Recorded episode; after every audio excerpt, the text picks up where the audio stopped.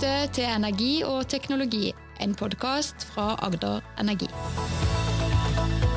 Velkommen til den aller første episoden av Energi og teknologi.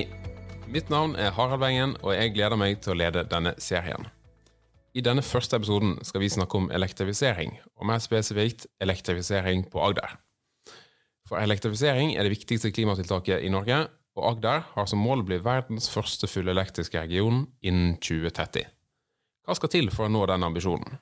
Det skal vi få høre mer om i denne episoden. Vi skal snakke med Tine Sundtoft, som spilte ei sentral rolle da Parisavtalen ble forhandla frem. Vi inviterte Tine til en prat om hvordan de globale klimamålene blir omsatt til handling lokalt på Agder. Da ønsker vi velkommen til Tine Sundtoft. Tusen takk. Veldig hyggelig å ha deg her. Du er jo aller mest kjent som klima- og miljøminister i Solberg-regjeringen fram, fram, til 2015, og bl.a. for å ha vært sentral i å framforhandle Parisavtalen. I dag har du en helt annen rolle som fylkesrådmann i Agder.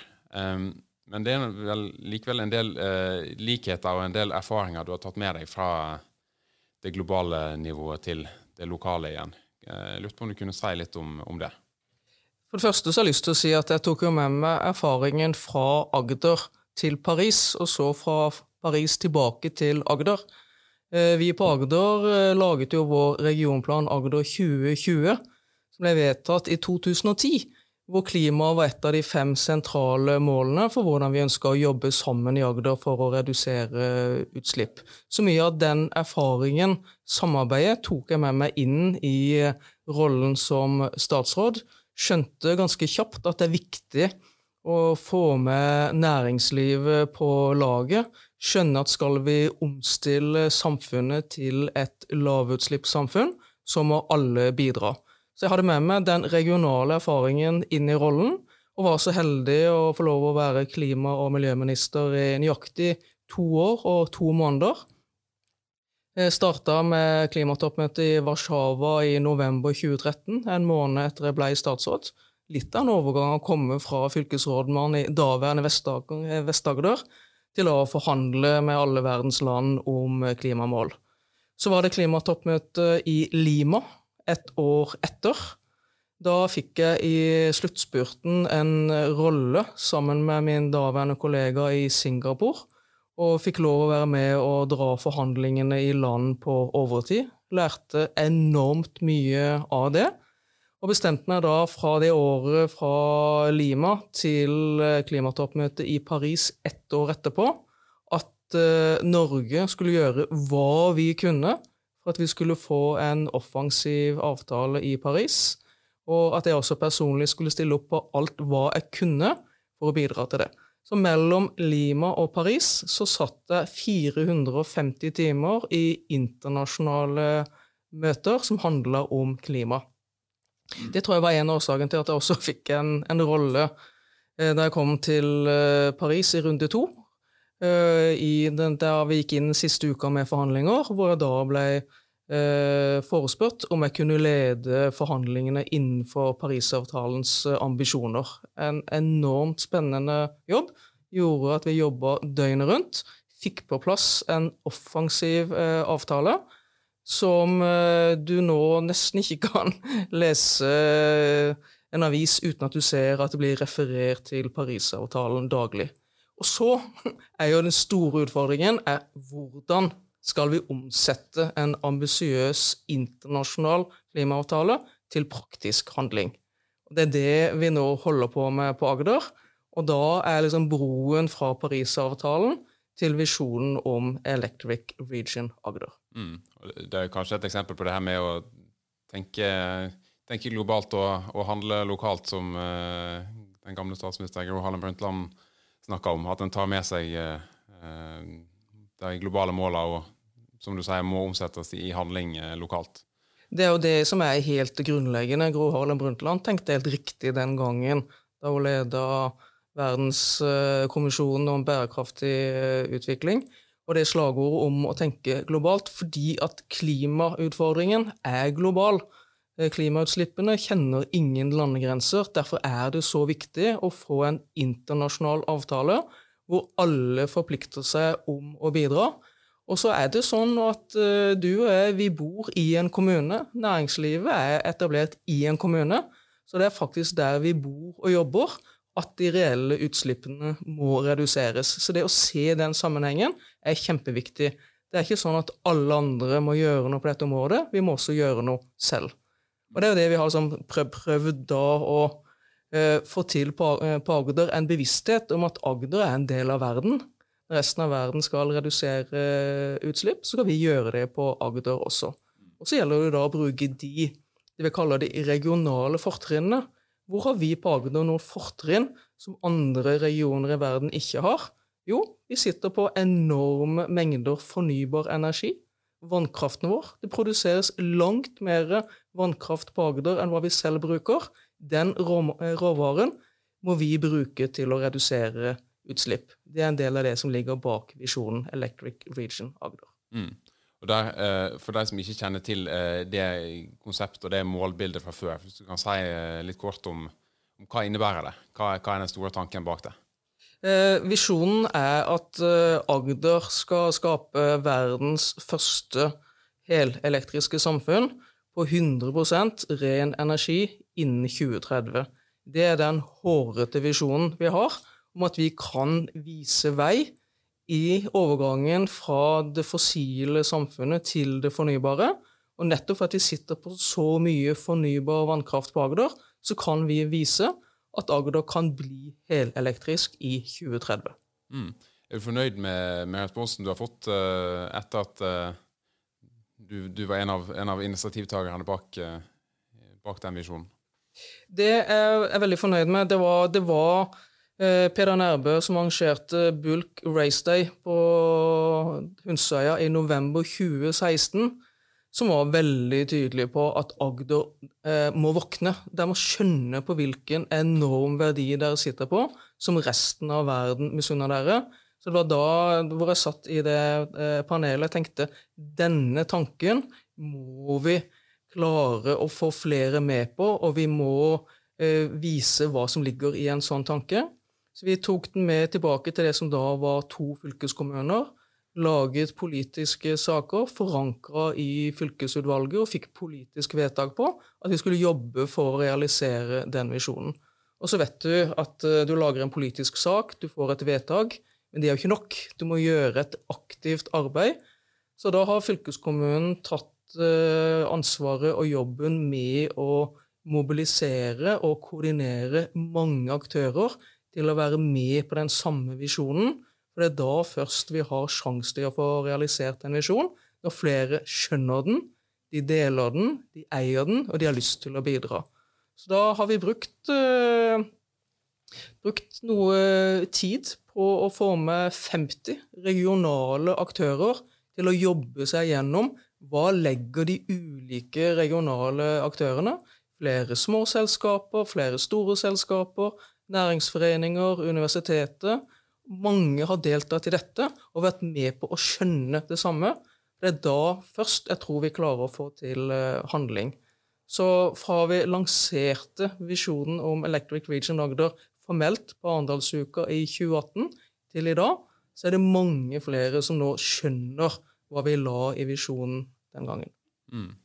Uh, har du noen eksempler på hva hva de ulike, 50 ulike um, aktørene eh, bidrar med inn. Eh, du nevnte både store og små, offentlige og, og private. Eh, en aktør er jo Agder kollektivtrafikk, som nå i sine anbud legger inn krav om elektriske busser. Senest i forrige uke så eh, fikk vi flere elektriske busser i Arendal. Det var de første elektriske bussene i Arendal få år etter at de kom til eh, Kristiansand. Eh, det at Kristiansand havn har jo åpna det som den gangen var Europas største landstrømanlegg, for også å få flere av de store båtene over på landstrøm. Eh, den overgangen fra tungolje til fornybar energi. Så er det jo da noen eh, produsenter av fritidsbåter i Arendalsområdet som nå har lansert eh, elektriske båter. Og også kommer til å kjøre en ganske stor eh, festival neste år for å invitere flere inn til å bidra i det. Så det er de, de små, konkrete tingene og de større. Og så syns jeg jo virkelig at det løsna litt da informasjonen om Morrow Batteries kom for noen måneder siden, hvor da flere påpekte at når vi skal bygge en så stor eh, batterifabrikk, så er det naturlig å bygge den på Agder. Fordi en både har den fornybare vannkraften, men også fordi at Agder nå begynner å bli kjent utenfor Agder med den teknologien og kompetansen som vi har bygd her over lang, lang tid. Og når det, liksom, de her ulike eh, eksemplene kommer fram, så er det flere som skjønner hva som ligger også i visjonen. Og Hele Norge har jo egentlig et mål om, bli, om å bli fullelektrisk. Syns du at den ligger altså, Er den i ferd med å bli henta igjen? Har han klart å dra nytte av de konkurransefortrinnene han har? Det syns jeg absolutt. Og jeg syns også det at vi har jobba så godt sammen om å Eh, bli enige om visjonen Electric Region Agder. Vi har også brukt eh, Arendalsuka ganske konkret gjennom flere år til å presentere den visjonen for da til enhver tid sittende klima- og miljøminister, andre statsråder, andre ledende politikere på Stortinget. Så vi, vi, har jo også klart å samle oss om noe som vi nå snakker samlet om utenfor Agder. Og Det er kanskje noe av det som har vært litt av utfordringen for, eh, før. At vi har gjort veldig mye bra på Agder, men litt mer i det skjulte.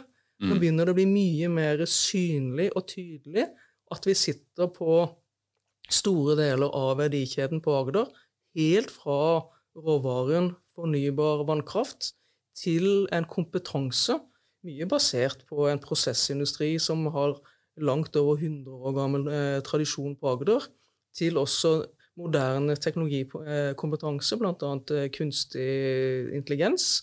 Fordi at vi har et universitet på Agder som har vært bevisst å bygge opp en kompetanse som er nyttig for industrien og for næringslivet, fordi at de også i sin strategi ønsker å være med på å realisere det grønne skiftet.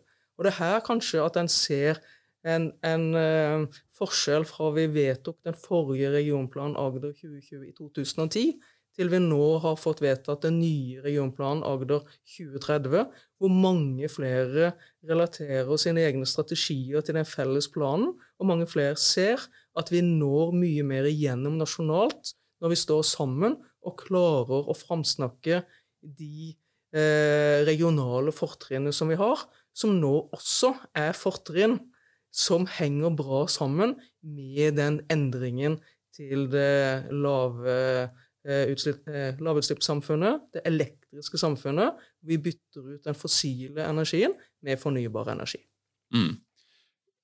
Hva, hva, mangler fra, fra, nasjonalt nivå? Du har snakka litt om at fylket legger til rette her i regionen, um, og, og, at næringslivet er, er offensiv og, og, er med på, på hele tankegangen. Er det, er det noe som, som trengs fra nasjonale myndigheter for å for å akselerere den utviklingen ytterligere?